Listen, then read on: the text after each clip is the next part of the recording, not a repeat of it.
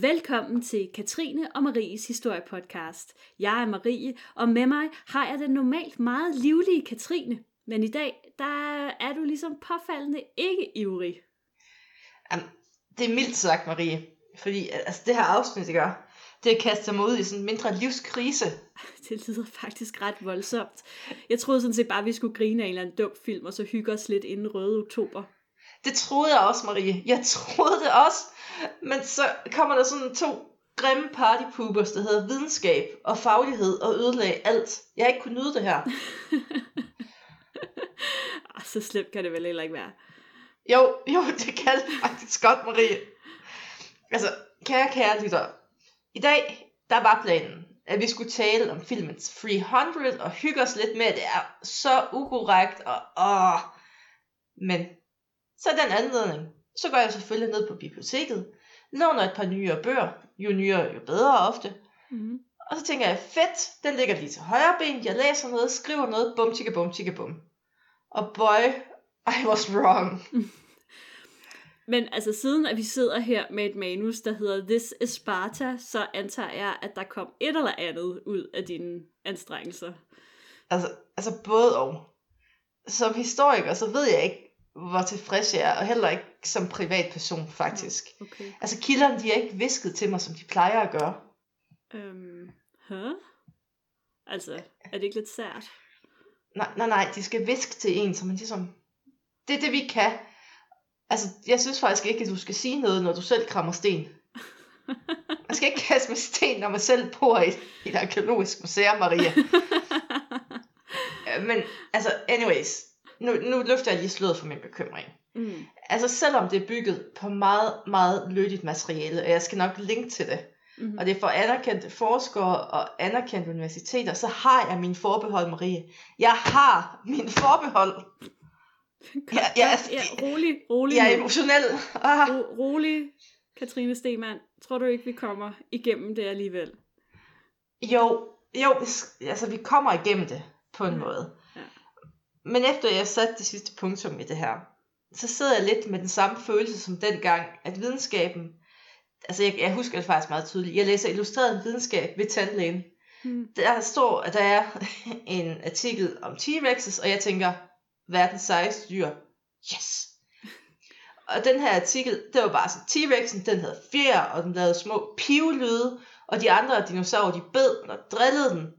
Og se, der, der var der et eller andet inde i mig, der døde. Nå, Fordi at det var jo, altså, det var verdens bedste dyr. ja. Og så kommer videnskaben og siger, at den var sådan lidt, lidt fesen faktisk. og, og det er det, vi skal i dag ved spartanerne. Og det har ødelagt noget inde i mig igen. Ej, det er jeg altså ked af at høre, Katrine. Ja, ja. Ja, jeg kan ikke lide, at, øh, at, at podcasten har, har ligesom den indvirkning på dit liv. Om jeg har virkelig... Åh, det har været hårdt, Marie. Jamen, jeg kan godt, jeg kan godt høre det. Du skulle Det have, er skulle have T-Rexen om igen. inddraget mig noget tidligere, så du havde haft mig at læne dig op af. Ja, en klippe, du ved. ja. Ja. Mm, ah, Hmm. Jeg var for stolt. Ja. Nå, Mm. skal, skal, skal vi prøve at gå i gang? ja, lad os gøre det. Til jer, der stadig lytter med. Jer, der ikke er blevet skræmt væk. I dag skal vi tale om filmen 300 og slaget ved Sinopole. Vi kender alle sammen historien. 300 tabre spartanere, der giver deres liv i forsvaret af Grækenland, og altså også den frie verdens værdier mod de totalitære persere. Ja. Wow. Og nu vil jeg så lige sige, at Katrine jo i manus har antaget, at jeg ikke har set filmen. Fordi det er meget naturligt. Jeg har stort set ikke set nogen film. Men den her film, den har jeg faktisk set. Så jeg kender jeg i hvert faktisk... fald af- faldet af stolen. ja, så jeg kender faktisk historien. og jeg ved faktisk, hvad filmen handler om. Det er jo lidt af en klassiker. Det er det nemlig. Mm. Men hvis der sidder, altså hvis Maria har set den, så har alle set den. Ja, jeg tror det. Øh, hvis der kommer nogen ude fra Vildmarken de sidste 15 år, der lige kommet ind og tændt for vores podcast, mm. så lad os lige ridse filmen op. Kong Leonidas, han bor i Sparta, og han har det virkelig fedt. Indtil en dag, hvor der kommer en udsending fra Persien, der beder dem om at overgive sig, fordi at nu kommer den persiske overmagt. Kong Leonidas, han siger pænt nej tak på Sparta-måden, kan man... Ja, Ja, og så er der ligesom ikke... Der er ikke så meget at gøre. Der. nej. Nej. Kong, øh, kong øh, Leonidas og en hær på 300 spartanske supersoldater med rigtig pæne mavemuskler må på en øh, selvmordsmission for at forsvare hele Grækenland. Øh, de vælger at møde den persiske hær, der forresten består af sådan en million ikke-frie mænd, og de møder den ved sådan et lille, et lille bjergpas. Ja, og de vælger det her sted, fordi her kan de lave en flaskehals. Det vil sige, at persen de kommer på en lang perlerække, og så bliver de skubbet ud i havet og gennemført altså spyd, og jamen, det er noget værre noget. Der er også en elefant, der dør. Ja. Åh oh, nej. Jo, eller var det et næsehorn? Jeg kan faktisk ikke huske det. Nej, jeg kan faktisk ikke. Nå, persen de bliver mere og mere frustreret, fordi grækerne de slår igen. Kampen, den vender så, da sådan en blanding mellem Gollum og Quasimodo, han forrøder spartanerne. Og han siger til perserne, ved I hvad, I kan gå rundt af den her lille sti, og så kan I angribe spartanerne bagfra, og bum, tjekke bum, alle dør. Fedt nok. Det vil sige, at der er 300 sæt perfekte mavemuskler, der går tabt den dag. Et øjeblik stillhed. Det er simpelthen så Hollywood-agtigt, at det sådan næsten er til at få kvalme af, tænker jeg. Men, men ved du hvad? Det værste er, Nej. det her det er ikke sådan rigtig Hollywood-ficeret, eller hvad man skal sige. Det er faktisk en udgave, der er lavet af historiens Godfather. Okay. Det er ikke, det er ikke engang løgn. What? Det, den ligger så altså utrolig meget op af den, sådan den originale fortælling. Og det er også den fortælling, der har været gangbar i over 2000 år. Ja. Og det smerter mig simpelthen så meget at sige, at det er en historiker, der har lavet den. Ha! jeg vidste også.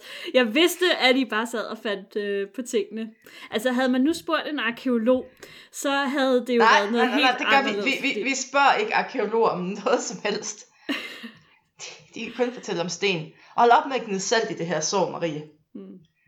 Og selvom altså, historiefaget bliver jo faktisk opfundet i Grækenland, så bygger det mildest talt ikke på samme dyder, som det gør i dag. I dag, der kan vi godt lide kilder. Vi, kan, altså, vi, vi digter heller ikke alt for meget. Selv. Vi, vi bestræber os på ikke at digte på noget. Mm. Men i Grækenland på det her tidspunkt, så var det not so much, lad os sige det på den måde. Altså her var det tit meget altså, politisk, eller jeg har hørt en historie fra nogen, og så må jeg hellere skrive den ned -agtigt. Det er sådan, altså ligesom Saxo, kan man sige. Ja. At der kan godt komme nogle underlige ting ind for højre en gang imellem, hvor man tænker, Det er sådan hold da op. En blanding af fakta og fiktion, og hvor der ligesom Ja. har været nogle huller i fakta, så har man bare... Ja, så har man fyldt det ud. Ja, Det var ja, så nok, kom det var der nok et drag, et eller andet. Ja. Bum, så er det løst. Men altså, det jeg hører dig sige lige nu, det er, at man ikke skal tage historikere alvorligt. Det noterer jeg mig. Men øh, hvorfor så overhovedet lave et afsnit, øh, hvis filmen er den mest øh, historisk korrekte film nogensinde? Fordi at det, det er den, og det er den ikke på samme tid. Det er, sådan, det er meget meta. Mm. Så skal vi ikke starte med at sable skidtet ned, så jeg kan vinde lidt igen. Jo, lad os gøre det. Altså, øhm, Sparta bliver grundlagt i cirka 1000 før vores tidsregning i det sydlige Grækenland. Det er en bystat, ligesom for eksempel Athen. Og en bystat, det var sin egen enhed, og det giver på ingen måde mening at snakke om et samlet Grækenland på det her tidspunkt. En hver var sig selv nærmest, og det galt om bare at være den største og bedste bystat. Man kunne godt indgå alliancer, men det var primært bare for at gavne sig selv. I bystaterne, der kunne man godt udvikle sådan nogle kural, altså kulturelle specialtræk. Lidt ligesom i Civilization-spillet. Nogle de Mm. fokuserede på demokrati, og nogle på krig, og nogle på lærdom. Der var sådan, man kunne forme sit eget. Mm. Og så var det meget, meget vigtigt, at de andre bystater også vidste, hvor cool man var. Så derfor talte man altid om, hvor god man var i forhold til de andre, og hvad ens specielle træk var. Og så var det ellers bare at hype det, alt det man kunne. Der var ikke nogen jantelov. Nej. Og I sidder sikkert derude og tænker, aha, det var derfor Sparta gjorde så meget ud af deres krigere. Og ja, det kommer vi til i tiden efter det her store slag. I tiden før, der var det nemlig en anden bystat, Argos, der var kendt for de hårdeste soldater. Spartanerne derimod, de var mest kendt for deres flotte kvinder. Og se, her kommer vi til et sted, hvor filmen altså er meget, meget sand. Ja. Fordi at vi har jo altså den evig smukke Lena Hardy, som er, det er jo godkendt historisk korrekt, for hun er bare pæn. Hun, hun er meget smuk. Hvor, hvor er det nu, jeg har set hende også? Game of Thrones, Cersei. Det er hende, der er med der. Det er Simpelthen. hende, ja. Ja, det er rigtigt. Så godkendt herfra. Mm. I det 8. og 7. århundrede, der begynder Sparta at altså, ekspandere regionalt.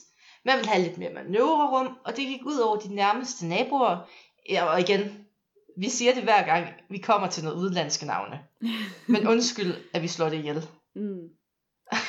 og det starter med at gå ud over naboerne i Messina og Laconia. Ja. Og på den her måde, så bliver Sparta en af de største spillere i Grækenland, for de ejer stort set det meste af syden på det her tidspunkt. Mm. De besatte mennesker, de bliver helotter, eller heloter, helotter. Måske vi skulle have haft snakket med min uh, sambo, som trods alt underviser i den her, i, uh, i sådan noget... Uh, Hvad ved de om det? Ja, det er, det er oldgræsk, og, øh, og der, det er et uddødt sprog. Så det, vi, har, vi har sådan frit slag i bolddejen. Nå, men de her helotter, de var øh, slaver, og de havde ingen rettigheder. Spartanerne var den herskende klasse, og de havde fuldt medborgerskab, og så var de frie mænd. I Grækenland, der var det kun frie mænd, der kunne tjene i her. I kilderne, der beskriver man ekspansionen, altså, og der er ikke rigtig noget, der tyder på, at de her spartanske soldater på det her tidspunkt, de var unikke eller ekstra stærke, og egentlig heller ikke, at de havde en speciel militær struktur i samfundet. Mm. Styrken på det her tidspunkt, det kommer i antal og ikke i kvalitet. I det 7. århundrede, der begynder strukturen internt i bystaterne at falde på plads, og man begynder også at nedskrive sine love. Og i Sparta har man senere, altså ikke selv på det tidspunkt, men senere har man tilskrevet de her love, og, og jeg har givet mig selv alle de gode navne i dag. Ja, det har du. Men øh, jeg vil nu kalde ham Ly, hvad, Lycurgus. Lycurgus. Ja, Ja, ikke? sige det. Jo. De her reformer i 650 før vores tidsregning. Mm. Og var han så en vild og voldsom kriger, der laver et krigerisk samfund? Mm, nej, egentlig ikke. Han etablerede et ældre råd. Sådan. Det, det synes jeg henter det meget godt. Der består af 28 gamle mænd, Sådan. og, grunden, og de er så blevet herskere i samfundet. Og grunden Mm. til, at man gør det på den her måde, det var, at Sparta indtil, ja, indtil her havde sprunget imellem altså fuldstændig anarki eller diktatur. Så man siger, hvis der er simpelthen 28 mænd inde i midten, så kommer der noget stabilitet. Mm. Ja. Især 28 gamle mænd. Ja, jamen, så, er- så sker det der er ikke noget nyt. super øh, fremtidssikring der. Øh, ham her, øh, han stod også for en række landreformer og en institutionalisering øh, af, af spisning og, og af skoler. Og var det her så helt unikt spartansk? Nej, det var det så ikke. Fordi det fandtes faktisk også i forskellige grader i andre bystater. Så spartanerne, de, de var slet ikke unik på det her tidspunkt. Altså, de kunne reklamere for normal, og det ville ikke være underligt. Høhø. hø til hø. Og i 640 års tidsregning, der ændrer de dog lidt deres metoder. Fordi man besat ikke længere ens naboer for at skabe plads. I stedet så tvang man mænd i et alliancesystem, der stort set kun kom spartanerne til gode. Det var spartanerne, der bestemte, om man skulle gå i krig, og hvis de sagde det, så havde man bare stille. De bestemte, hvornår krigene de skulle slutte, og så var det egentlig det. Mm. Og de her bystater individuelt, de måtte godt slås mod hinanden, bare det ikke involverede spartanerne. Okay. De var så ligeglade. øh, det var så ikke et særligt lykkeligt ægteskab, vil jeg sige. Og den måde, de styrede det på, det var, altså, det var struktur, og det var, ja, det var jo altså den direkte kontrast til Athen. Spartaner, der var ikke der demokrati. Nej, Athen, det var jo demokratiets vugge, ikke? Hvor at, at i, Ja. i, i Sparta, så har man det her oligarki, vel i virkeligheden, som Ja, er de her, det her ældre råd, de her gamle mænd, der styrer det hele. nemlig. Ja. Men var spartanerne så nu ustoppelige dræbermaskiner? Nej. I mestrenes kamp i 546 før vores tidsregning mellem Argos og Sparta, der taber spartanerne faktisk. Og begge sider de stiller med 300 af deres bedste krigere, og til slut så var der to fra Argos tilbage og en spartaner. I bedste fald så stod de lige, i værste fald så tabte spartanerne det er lidt op til tolkningen. Det kan man sige. Og Wikipedia faktaboksen for den her kamp er forresten, altså det er verdensklasse historikerhumor. Okay. Weltklasse. Vi skal nok uploade det til Facebook, for det er, det er smukt. Godt. Men ud fra det her, så må vi jo så konkludere, at de spartanske krigere måske ikke engang var de stærkeste i deres egen alliance. Og det er jo sådan lidt problematisk. Ja. For nu nærmer vi os tidsmæssigt med hastige skridt til Nopole. Og her skulle man jo åbenbart på en eller anden måde have fået superkræfter. Så der er noget her, der ikke stemmer. Nej. I det 5. århundrede før vores tidsregning, der havde spartanerne slået deres ledende plads i Grækenland fast. De herskede over et kæmpe område, og de havde også nogenlunde styr på deres alliancer. I nord lurede truslen for de hissigt øh, ekspansive persere. Den første krig den bryder ud i 499 før vores tidsregning, og så var den ellers i 40 år. Her spillede spartanerne overraskende nok en, en mindre rolle, øhm, men i den næste krig, som øh, begyndte 10 år senere, der tog man ledelsen af koalitionen af græske tropper mod perserne. Perserne, de var dog, altså de var overlegne. Der var rigtig, rigtig mange persere. Mm. Og koalitionen, de var simpelthen bange for, at man ville blive løbet over enden, inden man kunne nå at samle forsvaret i Grækenland. Mm. En af de største bekymringer, de var faktisk, at spartanerne, de ville sige, vi lader Norden falde, og så forsvarer vi vores eget område mod syd. Spartanerne de valgte at vise deres engagement ved at lave et forsvar ved øh, Thermopylæ i nord. Forsvaret det var egentlig aldrig tænkt som en selvmordsmission. Sjovt nok, det er de færreste. Forsvaret var aldrig tænkt som en selvmordsmission, som spartanerne gladeligt løb i møde.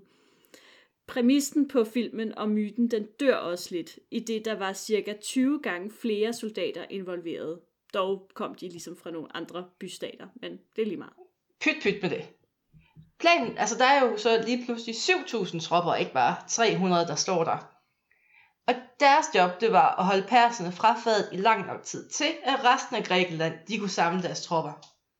Xerxes, han ankom dog hurtigere med sine tropper, end man lige havde regnet med. Og så går der fuldstændig panik i den. Fordi, altså, hvad skal man gøre? Skal man blive og slås, eller skal man flygte? Mm.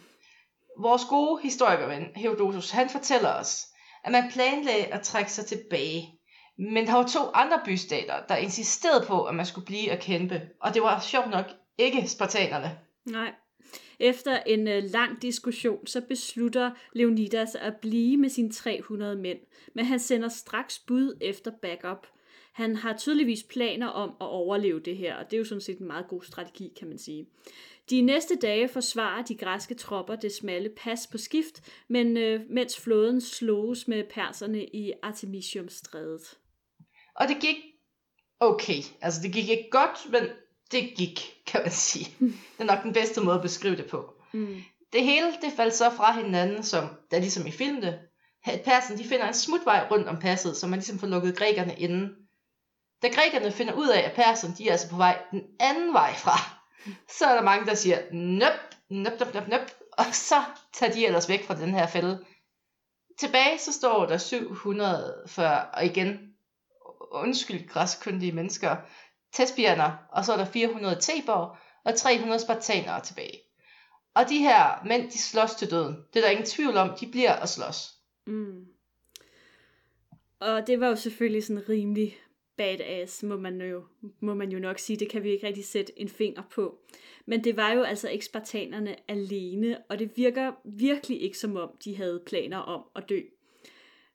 Det var heller ikke et rigtigt forsvar af frie mænd og grækere. Altså allerede 50 år senere var man i hvert fald ikke for fine til at slås sammen med perserne mod andre grækere for penge. Man har jo et standpunkt, til man tager et nyt. Præcis, og filmens præmisser er jo bygget meget op på, at det er frie mænd mod ikke frie mænd, og Mm, mm. jeg tror egentlig, spartanerne de lå tættere på perserne end så mange andre i det område. Ja, det skal nok passe. ja, det, detalje. Men så kan man så sidde her 2000 år senere og spørge, hvor- hvorfor har vi fået en anden historie fortalt? Fordi altså, selvom grækerne de havde tabt, så fik kampen jo en enorm altså, symbolisk og propagandamæssig betydning. Mm. Og Sparta som bystat, de havde jo overhovedet ikke noget imod at blive kendt som helte. Tværtimod. Nej, nej. Ej, det var jo deres konge, der havde givet ordren til at blive. Det ved du jo godt, Marie. Sådan. Og det var jo ham, der havde givet livet for Grækenland. Så sejren, det var jo deres og ingen andres. Og fuck de der andre, der blev tilbage. De der 1100 soldater, hvad gjorde de? Ja, men altså, whatever. Jeg kan ikke, jeg kan ikke engang nok. Hjemme i Sparta og ved selve Thermopylæ, der gjorde spartanerne rigtig meget ud af at mindes og fejre den her begivenhed. Man tog simpelthen kontrollen over narrativet og gjorde sig selv til helte. Hvis ingen andre gør det, så må man selv gøre det. Præcis. Og igen, Herodotus, vores, altså historiens godfather, han skriver om begivenheden to generationer senere. Og, gæt, hvad der kan ske på to generationer. Altså han praler jo med, at han har husket alle de 300 spartaners navne. Han kan sige dem i søvne, hvis det skal være. altså, ja, det er nok det, man som historiker i dag vil kalde en lidt farvet kilde. En anelse måske. Der er ligesom det er lidt tydeligt, hvor hans sympati måske ligger også, det tror jeg. 100 procent. Altså, det ville være lidt det samme, som hvis man tog den der 1864-serie og sagde, at det var fakta. Ja. det, det, det level, vi er ude i. Ja. Og problemet er jo, at han Det fortæller... er der jo også nogen, der gør. Ja. Øh. Problemet er jo, at han fortæller historien, efter at spartanerne selv har haft tid til at forme den her historie, til ejerskab over den. Mm. Og han fortæller, altså, han, fort- som historiker fortæller han deres historie, og ikke historien. så Ja, det er bare det er den, vi har rigtigt, ja. gentaget. Mm. Og, og altså, hvis det havde været en øh, neutral historie, så ville slaget formentlig bare have været sådan en lille fodnote i, i, en, i en længere historie om Sparta. Slagene ved øh, Salamis og Platea var for eksempel meget vigtige i kampen mod perserne, men de står meget svagere i vores bevidsthed. Vi har ligesom valgt den her heltehistorie. Det skal være den, der beskriver det hele. Ja. Nå. Men det vi får ud af det, det er jo så, at spartanernes militære ego, det har jo fået et kæmpe, kæmpe boost. De var jo gået fra at ikke engang at være de stærkeste i deres egen alliance til, hov, hov, at være for, altså, heltene for hele Grækenland. Ja. Og det var jo også en rigtig smart måde, sådan, altså propagandamæssigt, sådan over for andre bystater. For hvem har lyst til at gå i krig med de her tapre spartaner? De er jo tydeligvis syge i hovedet. så dem taber man sikkert til, så hvorfor overhovedet prøve? Altså, et, Ja. altså at have et ry som uovervindeligt, det er aldrig kommet skidt tilbage. Nej, det er det ikke. At de så ikke sådan helt kan leve op til hypen, det er så måske lidt en anden sag. Ja, fordi at på det her tidspunkt, der var Sparta ikke en militærstat, som vi godt kan lide at fortælle det som. Fordi, altså, Mm. hvis man bare tager film, vi, vi starter med filmen igen, tilbage til udgangspunktet. Præcis. At der starter den jo med at sige, at spartanerne, de var avlet til krig, og børnene, de bliver sorteret. Der er sådan en meget traumatiserende scene, hvor de står og kigger på et spædbarn, og så skal de vurdere, om de skal smides ned. Og altså, det var jo lidt en myte fra en, en der ikke så godt kunne lide spartanerne, sjov nok Plutark.